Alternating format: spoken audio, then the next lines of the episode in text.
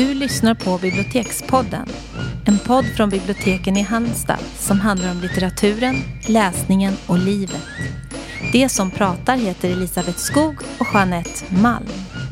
Nu är det februari, eh, snart mars och vi ska prata om årets bästa bok 2021. Vår vana trogen. Ja, för vi gjorde exakt samma sak förra året. Det var om det inte en, till och med var ännu tidigare, för då utnämnde vi Otessa Mogfers Ett år av vila och avkoppling Mm. till årets bästa bok. Och jag tror det höll hela vägen. Ja, det tror jag Vi, vi också. fick ingen Mm. anledning att dra tillbaka Nej, det. var det är ju fler i toppen där. Men, men hon var ju absolut, hon höll. Vår utfästelse höll. Mm. Jag tror att så, eller ja, på ett sätt får man ju faktiskt hoppas att vi har fel så att vi har fler stora eh, läsupplevelser framför oss. Fast jag känner mig om möjligt ännu säkrare den här gången. Ja. Att den eh, gillade ju den andra jätte, jättemycket förra Mm. årets bästa bok. Men jag vet inte om jag var så liksom tagen. Inte riktigt lika. Full av beundran som jag är nu. Det kom sig så här om aftonen att eh, jag skrev till dig. För vi jobbar så mycket hemifrån nu så vi ses ju inte hela tiden. Eh, och då skrev jag till dig. "Ah, Jag läser en sån fruktansvärt bra bok. Du måste läsa den. Och då visade det sig att du höll på med precis samma Ja. bok och kände samma sak. Ja, och Och vi hade inte nämnt Nej. den för varandra Nej. överhuvudtaget. Vi låg där på varsin kudde med några mils avstånd och läste. Ska vi säga vilken bok vi pratar om? Ja, det är väl kanske klädsamt att göra. Den heter Obehaget om kvällarna. En ganska annorlunda titel. Mm. Och författaren heter Marieke Lukas Rineveld. Och hon är holländska och hon är född 1991. Så hon är ung och boken då har ju faktiskt fått Bokrepriset. Och det är ju en kvalitetsstämpel som heter duga. Ja, Jag håller alltid faktiskt utkik efter just Bokeprisvinnarna för de är bra. kvalitetsstämpel. Ja. Mm. Ska vi säga något om vem som har översatt den? Ja, det kan vi göra. Olof Hyllenmark. Mm. Och jag tror att det är en fantastisk översättning. Ja, tror du det inte måste det? det vara. Jo, För den känns inte helt lätt. Inte helt lätt, men den känns ju så mm, icke översatt. det känns ju som att man läser på liksom originalet. Ja. ja, och det är väl inte helt vanligt att en debutant får detta Bookerpriset. Nej, gud nej. Nej. Det måste ju vara extremt eh, eh, ovanligt. Men Ja. vad är det som gör att den är så bra? Nej men yes, det, ja, det är ju en kombination av hur den är skriven och handlingen. Mm. Eh, en väldigt liksom, stark, det ena funkar ju inte utan det andra. Ibland kan stilen vara så bra så att man inte bryr sig så mycket om handlingen. Men eh, Mm. här är det ju både och. Mm. Eh, och den är ju väldigt, som titeln antyder så är det ju en, en obehagliga saker som händer både om kvällarna och om Ja. dagarna. Men det är skrivet på ett sånt enastående sätt. Hon har ju tydligen gett ut eh, poesi innan och det Mm. märker man ju väldigt Det tydligt. kan man, ja. Eh, Men den är inte på något sätt eh, svårtillgänglig. Nej. Men den är Nej. inte heller eh, varje ord uttalas ju inte. Att man får ju lägga in ganska mycket mellan raderna Men det själv. var kul att du säger det där med att hon har skrivit poesi. För det tänkte jag när jag läste den. Tänkte jag, alltså bara de här, vissa rader så som jag tycker sticker ut som är så fantastiska. Så tänkte jag de här hade man kunnat plocka ut och så hade man kunnat skriva en dikt där de står för sig själva eller med några ord till. Sådär. Eh, och att, ja, men ibland känns det nästan slösigt för de, det är så fruktansvärt bra på så många ställen. Så att man verkligen, åh! Ja, man vill läsa högt Ja, och man vill vill man. tvinga någon att lyssna på det också. Ja, man vill aldrig glömma det. Hjälp alltså. Ja, men du, Men vad är det som säga- händer då i boken? Vad- vad handlar den om? Ja, handlar handlingen och handlingen? Ja, men är, hon är ju tio år den här eh, Jas heter hon Mm. va? Eh, som är huvudpersonen. Eh, och det här är liksom ingen sån där bok som hur gick det och vad hände och sådär. Utan vi kan berätta ganska mycket om handlingen. Men det som, eh, som händer i början på boken det är att hennes bror dör i en skridskoolycka. Hon har tre syskon. Och mamma och pappa och de har en gård på landet med mjölkbönder. Um, och de är strängt, väldigt strängt religiösa Mm. föräldrarna. Uh, och hon, han ska ut på någon speciell skridsko, jag tror de åker mycket skridskor där. Ja, det gör de ju. Ja. Eh, Och då var det någon särskild, de skulle åka runt någon sjö ja. på något vis. Någon Hon tjatar om de- att följa med. Ja. Hon är för liten. Ja. Ehm, mm, och på den här gården så hon har en kanin som hon är väldigt fäst vid som är liksom hennes. Det finns ju Mm. mycket djur och de slaktas och sådär men den här kaninen är liksom hennes. Eh, och hon är så rädd att pappan ska det börja dra ihop. Det, är, ju- det här är bara ett par dagar före jul, två dagar före jul tror jag. Mm.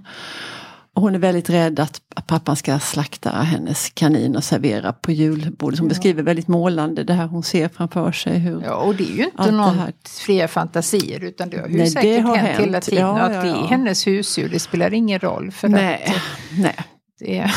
Eh, Mm. Nej, och hon, hon är väldigt upptagen av de här hemska fantasierna och att det inte får... Och det, alltihopa här paras ju hela tiden i boken med den här tron, den här religiösa uppfattningen och det är bibelcitat och det är citat Mm. från salmer och, och ehm, att man ska offra, man ska offra sig själv, offra saker, off, det ska, man ska frambära offer till den här Mm. guden. Och, och då har hon då ber hon, eller har i alla fall en idé om att om Gud tar hennes bror istället för kaninen. Mm. Ehm, Det är det bönen går ut på. Och vad händer sen då? Eh, sent den dagen så får de veta att hennes bror har gått ner Mm. sig i en vak i isen och drunknat.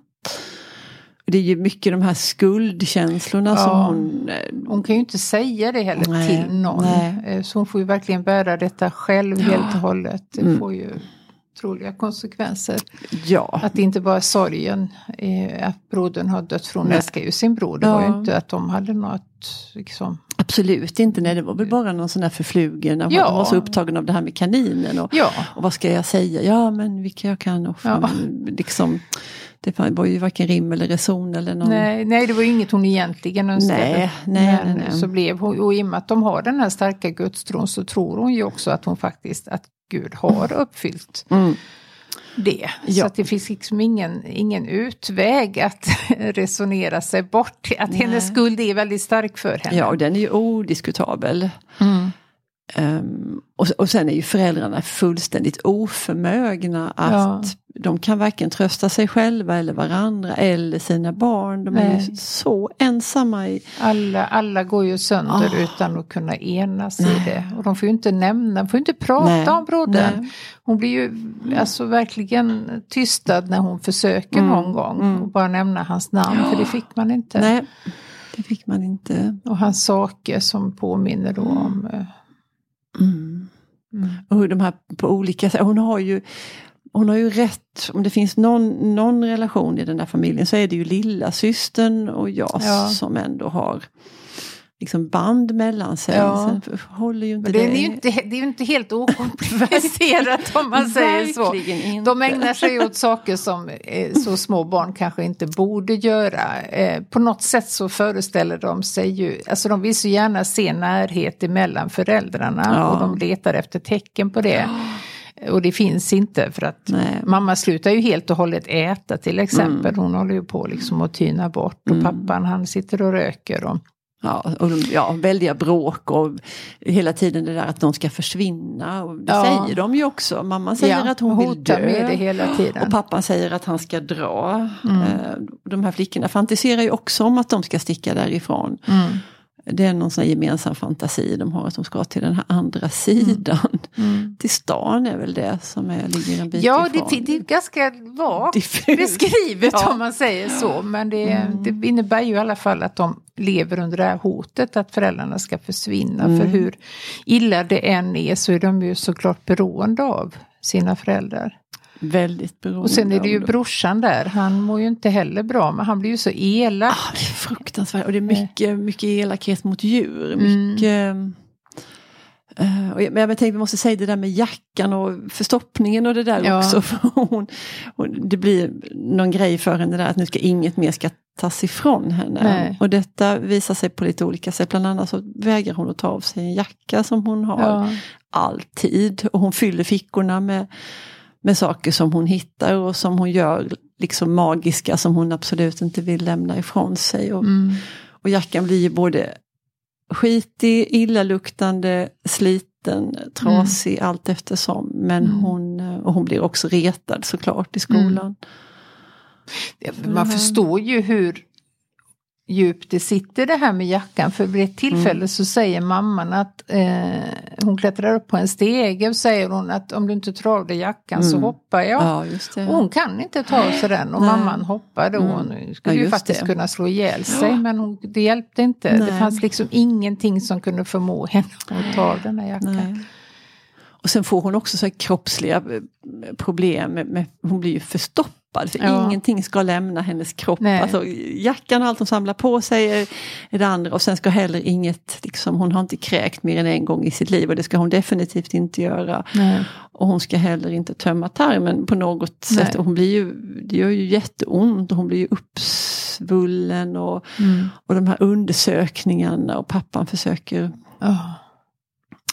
Så att hon ska laxera och det är förfärligt. Hon sticker också in ett häftstift i naveln. Ja. ehm, som hon, och det är hon rädd att det- någon ska få syn Det på. sitter där hela tiden Ja. som någon form av... När hon sätter något plåster eller någon tejp över så att Ja. inte det ska synas. Ja. Nej men det, alltså jag tycker det är ju väldigt mörkt och det är väldigt sorgligt men det är också väldigt sakligt beskrivet Mm, mm. så att det inte fick liksom, även det här eh, eh, djurplågeriet eller vad man ska kalla Mm. det beskrivs ganska det är, inte, det är inga ingående beskrivningar om man Nej, säger så. Eh, där man frossar i då vad det här elaka barnet gör. För det hade jag Nej. haft väldigt, väldigt svårt att läsa. Men det förekommer, det finns där. Mm. Men ganska... Jag vet inte riktigt hur jag ska uttrycka det. Tror men det där med sakligheten är väl väldigt Ja. träffande tycker jag. För det är det. Det är Mm. eh, Och allting är liksom oundvikligt på Mm. något sätt. Man väljer inte att göra vissa saker Nej. utan man måste. Ja, och de är ju så, de är ju så fruktansvärt utsatta och ensamma i Ja. här. Och de, här de, här de håller ju också på att utforska liksom kroppen och Mm. sexualitet på de mest... Man tänker att, men hallå, finns det ingen... Nej, och det har ingenting liksom med lekfullhet Nej, eller någonting nej, att göra utan det är någon inte. väldig desperation och sorg i det och också. destruktiv. och destruktivt. Ja. Eh, Sen har hon ju en återkommande fantasi där som Mm. i hela boken igenom om att mamman förvarar judar i källaren. Ja. Och det här är ju faktiskt i nutid så Mm. att de här judarna har ju liksom ingenting att fly ifrån nu. Men det, det känns som att hon verkligen är övertygad om. Ja, Hon letar hela tiden tecken efter hon att tänker, judarna ja. har eh, druckit upp saften. ja och, och, mamman bär ner saker där Mm. i källaren och nu, till judarna. ja. Ehm, precis. och sen har hon någon tvångsmässighet att prata om Hitler också. Ja. Som blir nästan eh, komiskt. Eh, Hon ja. gör vissa imitationer och sådär som inte tar så väl upp. Nej, tackar för det. Men vad tänker vi om det här med, vad, tror vi att författaren tänker om det här? Vad tror vi Marike Lukas Rinevelt tänker om de här fantasien om judarna i, i källaren? Nej men också att det är någonting fördolt. Mm. Eh, Jag tänker att det kan också vara liksom en önskan efter någonting mer. Liksom att i den här, att, att allihopa de här, att de gör något gott, att hennes föräldrar gör Ja. liksom en god eh, en god sak, att hon så Ja. gärna skulle vilja det. men 70 år senare, Nej. det finns liksom inget... Nej, det är ju ingen rim och reson. Nej. i detta. Eller att, ja, men det här med någon fantasi, att det är Ja. spänning och fantasi. Ja. Det är så himla liksom jord... Jo, hon är ju väldigt upptagen av det. Hela, Mm. Alltså det kommer ju Ja. återkommande, det är aldrig några långa partier, men det kommer Nej. med jämna Mm. mellanrum Mm. funderingar på liksom judarna i källan. Eh, och det är också någonting jag tycker är så skickligt i boken, att det är ju den här tioåringens perspektiv Mm. hela tiden Ja. som Ja. vi har. Ja, Eh, ja, ja. ja. Ehm, Och det tror jag inte är så himla enkelt. Men det Nej. gör ju också att vissa saker liksom blir helt självklara för henne medan vi som Mm. vuxna förstår att det finns, självklart inte finns några judar i källaren. Men för henne är det kanske helt mm, verkligt. mm. Eh, en annan sak, jag kommer tänka på det nu som, som hon också återkommer till flera gånger. Det är en, en eh, hon hette något väldigt svårt så jag ska, jag ska inte ge mig på att uttala det, men det är en programledare för barn, något barnprogram på tv. Ja. En kvinna som hon liksom också ja. fantiserar om och drömmer lite om. Och, eh, hon verkar så snäll och hon är så, ser så trevlig mm. ut. och att, mm. att hon skulle kunna liksom, hon, så citera saker som hon har sagt. och att hon skulle kunna dyka upp och rädda henne eller liksom mm. ta hand om henne. För hon är ju också väldigt ömhetstörstande som vi sa mm. innan. Eh. Ja, det är också väldigt hjärtskärande beskrivet för att föräldrarna är ju som sagt helt oförmögna att eh, se sina barn. Mm. De kan inte. Eh, de är helt inkapslade liksom i, i, sin sorg på var och sätt. Och hon försöker ju hela tiden liksom få mm någon form av beröring ja. eller bekräftelse mm. eller att jag ser mm. dig och, mm. så men det är ingenting sånt. Nej, och det, så, det, det, beskriver hon också väldigt detaljerat ja. sådär hur, hur mammas hand liksom skulle kunna liksom ja. vidröra henne någonstans. Men då försvinner den. Försvinner. Och, och att hon, lilla systern har långt hår för att mamma ska fläta mm, håret. Och, det, och att för då får lilla systern den mm. liksom stunden av beröring. Sen händer det ju också en ytterligare mm. dramatik där på gården som om det inte var illa nog Nej. så får ju hela besättningen mul och klövsjuka. Och eh, de tvingas ju till nödslakt då. Eh, de scenerna är ju förfärliga. Ja, de är helt förfärliga. Och där är ju en veterinär som mm. man till en början ju tror är en, liksom, bara där som en yrkesman. Mm. Men väldigt subtilt så förstår man ju att han eh, lägger an på den här lilla tioåringen eller att han på något sätt suktar ja. efter henne. Ja.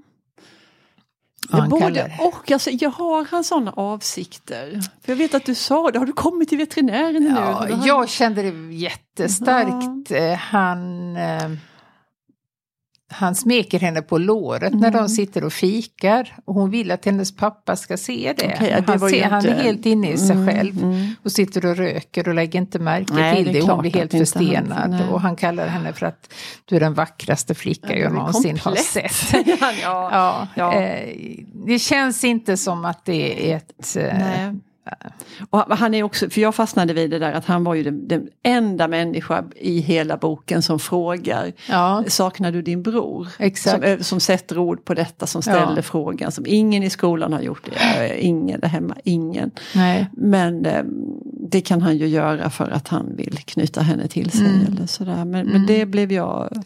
Jo det händer ju aldrig någonting Nej. vad vi vet. Men det är ju en djupt obehaglig känsla inför hans närvaro mm. där tycker jag. Mm. Ja. Eh, du vet, jag tänkte lite på, eh, på Korparna när jag läste den här, Thomas mm. Bannerheds Korparna. Mm. Det kan man eh, gott. Det är lite det här småbrukarmiljön, den mm. här ensamheten. Nu var ju den familjen mycket mindre, eller ja, det var ju två pojkar och föräldrarna där. Men det här, den utsattheten och den ensamheten ja. som jag tycker liksom klingar i båda de här böckerna. Mm. Ja, det är sant. I, någonting med tonen också. Och, uh, mm. Ja. Men vi har ju lite favoritställen. Ja, hjälp. Eh, vi hade nästan samma. Vi, vi hade, hade nästan samma kapitel samma. i alla fall. Eh, kan vi inte läsa dem och sen diskutera lite om mm. varför vi tycker så mycket ja. om det vi har valt. Ja, man skulle du... slumpvis kunna välja vad ja, som helst. Men det...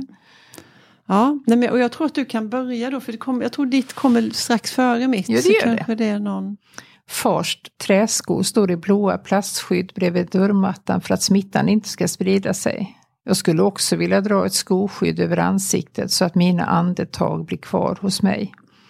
I samma träskor går jag ut till gödselstacken och tömmer hinken, häller ut potatisskalen på den daggvita kodyngan och långsamt går det upp för mig att det här är den sista hög med kodynga jag kommer att se på ett tag. Detsamma gäller ljuden av råmanden tidigt om morgonen, mjölktankens brummande kylaggregat, foderblandarna, ringduvornas kutter när de kastar sig över majsfodret och bygger bon under stalltaket, allt kommer till slut att förblekna till något vi bara minns på födelsedagskalas eller när vi vaknar på natten och inte kan somna om. Och allt kommer att vara tomt. Stallarna, ystborden, fodersilon, våra hjärtan. Mm. Är det inte vackert som man... Jo. Vackert och sorgligt. Ja, och man kan se alltihopa framför sig. Ja. Eh, De här blåa överdragen.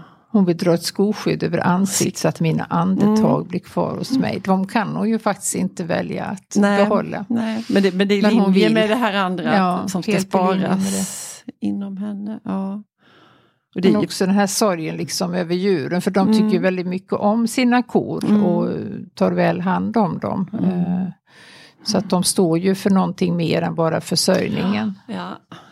Och det är ju ytterligare en koppling till Bannerhed där med det här med korna och det Mm. här straffet för dem. För det är de ju också inne på där att, att, de, att det är Guds straff den här mul och klövsjukan. Ja. Att de ska straffas ytterligare. Har Ja. de då inte gjort nog? Och, eh, har de då inte blivit straffade nog? Har de inte offrat nog? Nej, nu ska korna också. Och det är precis det som, som eh, mamman där i Mm. när de här tre korna är det väl de har blivit slagna av Blixten, blixten. ja. Mm. Eller vad det är. Ehm, vid trädet där på morgonen. Mm. Ja. Mm. Men lite senare i det här kapitlet så, ehm, så står det så här. Jag flyr in i kaninhuset där jag där är jag skyddad mot alla sjukdomar och pressar in morotsblasten genom springorna. För ett ögonblick tänker jag på kaninens nackkotor. Ifall det skulle krasa om jag vred om nacken på dem. Det är en otäck tanke att vi i, stor, i så stor utsträckning har andra stöd i våra händer. Hur små mina händer än är. Likt murslevar kan de både bygga med den vassa kanten och med den vassa kanten kapa saker. Jag skjuter upp foderhäcken, lägger handen mot kaninens päls och smeker öronen platta. Längst ut är de hårda av brosk. Jag blundar och tänker på henne med det lockiga håret i Vinterbarnprogrammet. Mm kaninen är döpt, men jag kan inte säga det för det är väldigt svåruttalat. Kaninen är döpt efter den här programledaren. På hennes sorgsna blick när Sankt Nikolaus små svartepettrar än en gång var spårlöst försvunna och alla vaknade med tomma skor vid den öppna spisen. Och morötterna till helgonets hästar hade tappat spänsten i hettan på deras skrumpna orangea skal. Och sen tänker jag på marängerna som brukade ligga på hennes bord, på pepparkaksgubbarna. Och att jag fantiserade om att jag var en pepparkakegubbe och fick ligga alldeles intill henne, närmare än jag legat någon annan. Att hon skulle säga, bästa Jas, saker och ting blir stora och sen blir de små igen. Men en människa är alltid lika lång. Att hon skulle trösta mig eftersom jag inte längre kan göra det själv. Mm. mm.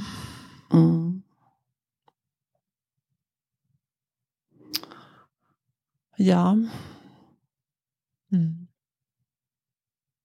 Det, det finns ett annat ställe också som, ja, som du sa så skulle man kunna läsa flera. Men kom, hon har ju en annan, hon har sin lilla syster sen har hon också en klasskamrat. Men hon heter Bell. Bell ja. Och när de, hon jämför deras liv på något sätt så är det någon nu är det ju inte ordagrant så här men, men vad Bell har varit med om för jobbigt i sitt liv det är när hennes guppyfiskar dog. Ja. Två stycken. Eh, och att hennes värld är liksom det här tomma akvariet. Eh, och det och det är ju inte alls så explicit men man, man, man tänker ju som läsare tänker man ju jämför med vad, vad Jas har eh, förlorat och upplevt. Och, plågor och lidande och alltså så. Och så den här lilla Bell då som...